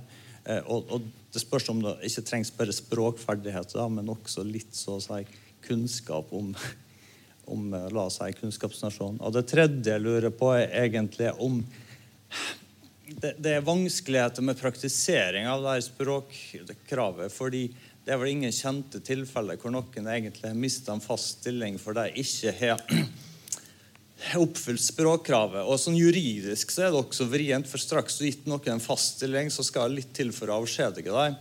Og det, det, følges liksom ikke opp det her språkkravet. da. Så, så, ofte så er det blitt litt sånn tullekrav. Um, så fint om du kunne utdypa det litt. Da. Ja. ja. Jeg skal prøve å være litt uh, raskere her. Tysk og fransk Nei, det, det ikke, der har ikke jeg noen gode svar. rett og slett. Altså, det, det er, vi ser jo at uh, fremmedspråksinteresser eller interesser for de språkene er laber uh, i ungdomsskole og videregående, og det forplanter seg oppover i systemet. så ja. Nei, det jeg, tror ikke Der tror jeg nesten jeg bare må melde pass. Altså, jeg, jeg vet ikke helt hva vi skal gjøre. Så gode forslag det tar vi absolutt gjerne imot. Det går jo på ei rekruttering helt fra bunnen i skolesystemet opp til det at norske forskere faktisk uh, reiser til franskspråklige og tyskspråklige land og uh, lærer seg uh, det å bli i stand til å publisere og undervise på tysk og fransk. Det er jo en paradoks da, at uh, det store akademiske språket fram til midten av 1900-tallet Nå er det knapt noen som kan ta seg fram på. norsk altså administrasjon ja, Det er en viktig grunn til de, at vi vil skjerpe inn de kravene litt. Det, som, altså det akademiske husarbeidet. Da, all administrasjonen som faktisk blir nødt til å gjøre rundt omkring på universitetene. Og det gjelder, det gjelder kanskje særlig i, under, i, ut på undervisningssida. Men det gjelder jo som du sier, en del på forskningssida. Det blir sånn at uh, det er jo et problem at uh, dem som kan norsk, blir, ender opp med mye mer administrativt arbeid enn dem som ikke kan norsk. Uh, siden det nå er sånn at norske universitet og høgskoler blir administrert på norsk, og det skal de fortsette å være. Helt, eh, helt, enig med deg her. Uh, og da er vi over på det Det går jo litt over på det hvordan skal vi formulere de Du sier at de har vært mer sånn tullekrav som ikke har blitt fulgt opp. Uh, og der Vi tror jo det finnes en mellomting mellom mellom å ikke stille noe krav og det å gi folk sparken òg. Sånn at det er jo kanskje noe virkemiddel som begynner å fungere litt mer mellom de to ytterpunktene som vi er ute etter. Men derfor tenker vi òg at ei ei tydeligere forskriftsfesting er en del av det. Da. Så Det er jo det vi sender på høring nå, som gjelder ja, de gruppene vi har vært inne på. Ja, eh, Karl Erik Haug. er jo òg instituttleder ved NTNU. Eh, det har jo vært, takk først, forresten, takk for en god samtale. For de oss som er litt mer middels opptatt av sånne spørsmål, så har det vært en fin, fin runde. Eh, men eh, det har jo vært ganske, ganske friske to år med Senterpartiet i posisjon. Den nå avgåtte kunnskapsministeren, nei, unnskyld, forskningsministeren eh, har jo ikke vært redd for å utfordre sektoren. Eh, og sektoren eh, er jo ikke vant til styring, og har kanskje blitt overraska av at man har politikere som ønsker styring. Når jeg hører beskrivelsen av fremtida, med, med altså, mindre kull, andre behov Bør sektoren være forberedt på vesentlig mer styring i årene som kommer? Jeg tror svaret, Det tror jeg går an å svare ganske kort ja på. Eh, og det vil heller ikke ha med eh, det har heller ikke med den som til enhver tid styrer sektoren eh, fra statsråd å gjøre. Selv om vi med Ola og nå med Sandra har to statsråder som for så vidt ikke er skuggredd, og som gjerne og som Uh, bruke de styringsvirkemidlene som er, hvis det er nødvendig.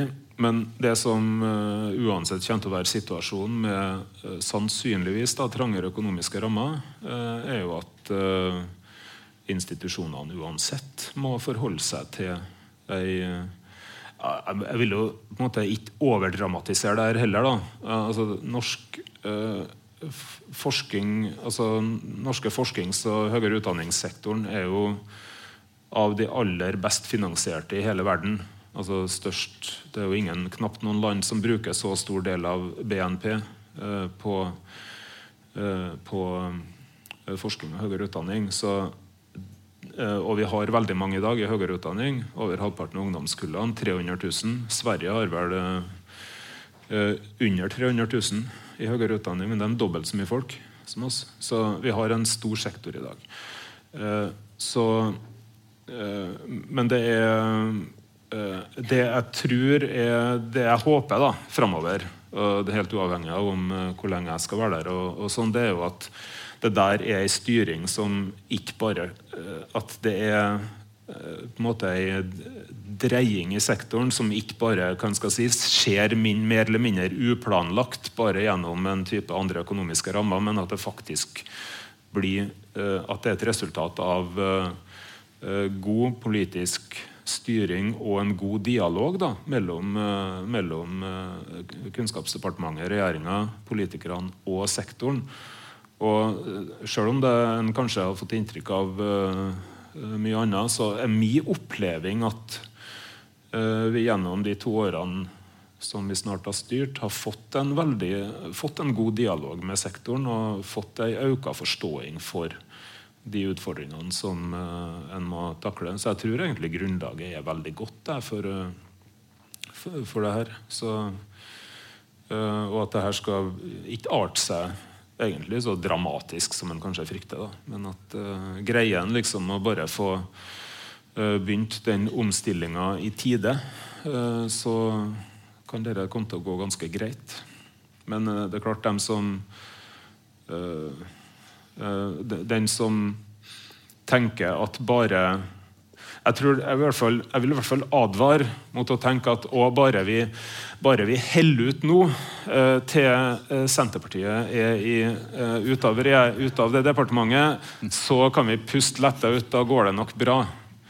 Eh, det var jo noen som Jeg registrerte jo i sosiale medier eh, at da Ola måtte gå i sommer, som var en veldig kjip situasjon så var, jeg så noen som åh, eh, pusta litt letta ut. Og så gikk det liksom om noen, ikke bare dager, men kanskje timer. Oi. Eh, jeg begynner alt å sakne Ola Borten litt. så, så, så det, det, er det at sant, eh, En ting er at politikken ligger fast, men det er nå at de rammevilkårene som den politikken må formes ut innenfor, de kommer til å være det samme. De samme, samme hvem som styrer. Og leser en de alternative budsjettene til opposisjonen, det er ikke akkurat uh, forskjell på himmel og helvete heller, uh, i det vi har sett gjennom egentlig mange år. Det er ganske mye konsensus om, uh, uh, styringa av sektoren og om de økonomiske rammene her. Så Eh, nest siste spørsmål fra Nora Kulseth. Ja, God dag, ja, Nora Kulseth. Så fint at du introduserer meg. Trond, jeg er instituttleder på eh, musikk på NTNU. Tusen takk for veldig interessant samtale. Det er, som du sa, Karl Erik, deilig å få høre litt argumentasjoner eh, bak det som bare har kommet til oss. Du sa det jo også, Rowley. Så tusen takk. Eh, jeg har tre ting som jeg gjerne vil at du skal forholde deg til å si noen ting om. Eh, jeg står her da som instituttleder for musikk på NTNU, men jeg representerer egentlig utøvende kunstutdanning i UH-sektoren når jeg snakker nå. Delvis. Eh, for det første så er de nye finansieringskategoriene Der er vi utøvende kunstfag plassert i den midtre kategorien. Eh, men i dag så er vi da i kategori A og B.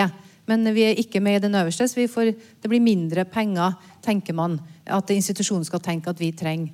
Eh, jeg ser allerede at du rynker på brynene. Gleder meg til å høre hva du sier.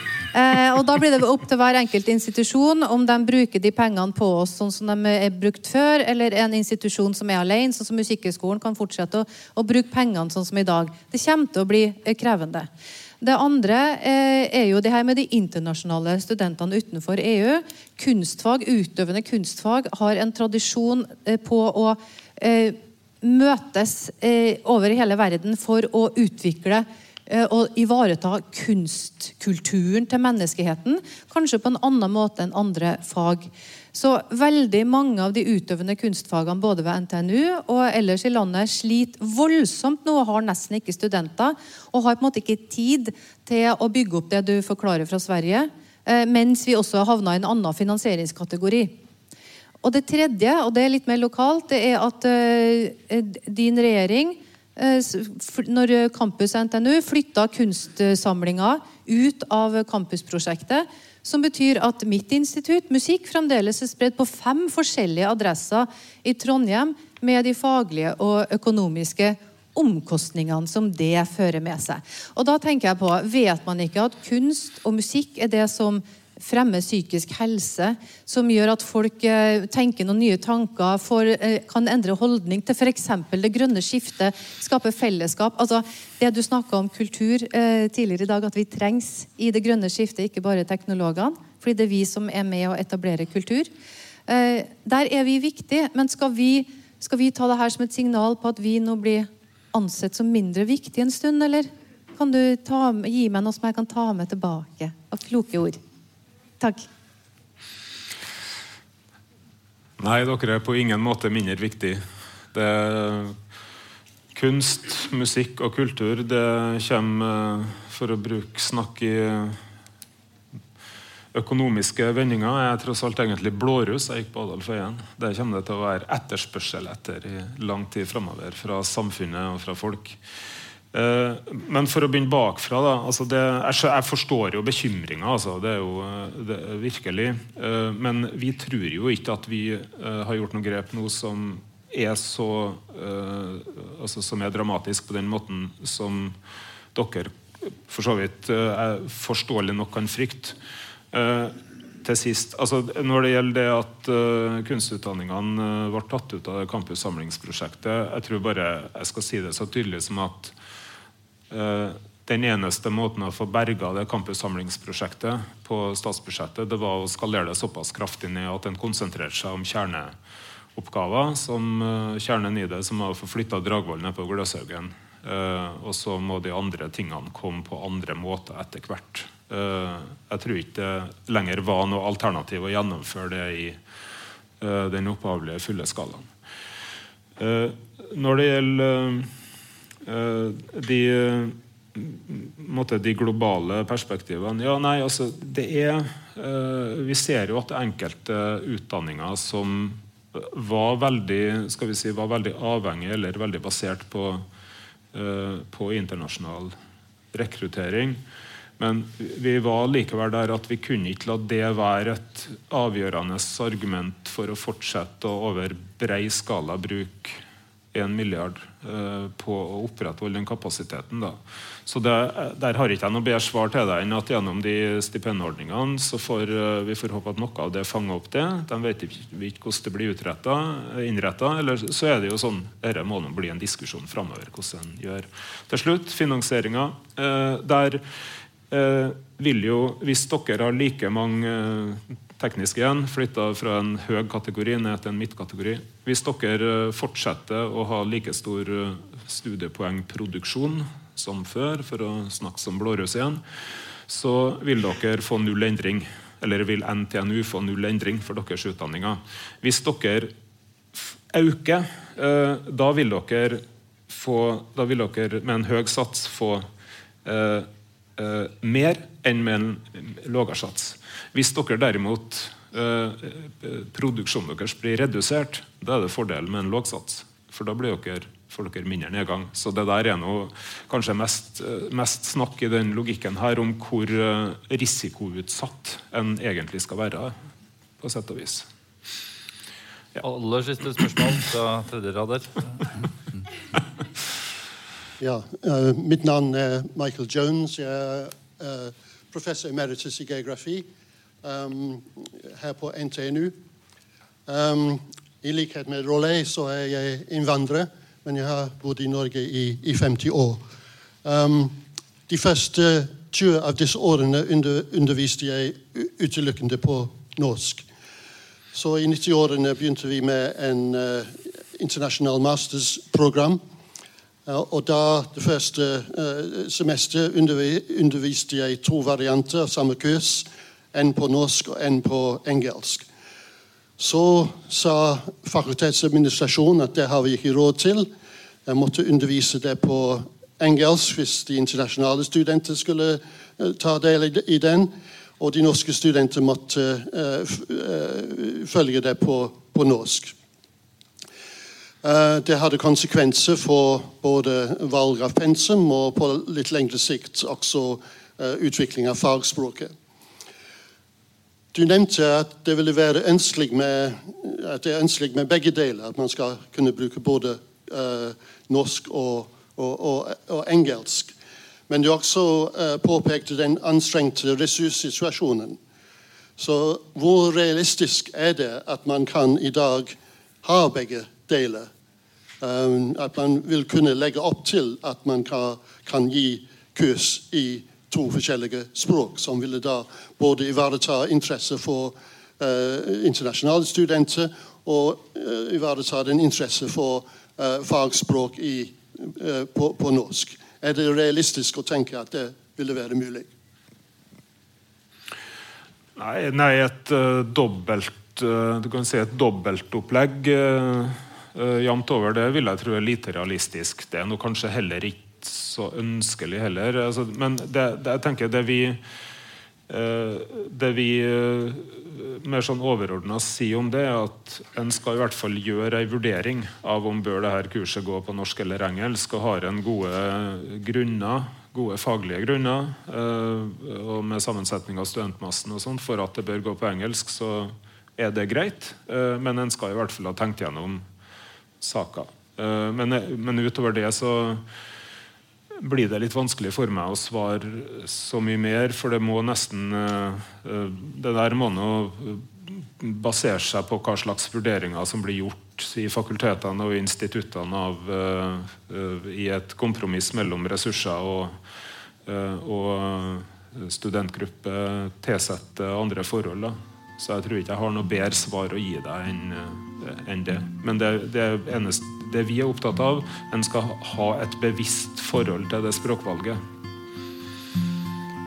Da setter vi strek for uh, den samtalen her. Tusen takk igjen, Holt, for uh, spennende samtale. Og takk til publikum for gode spørsmål og deltakelse. Tusen takk.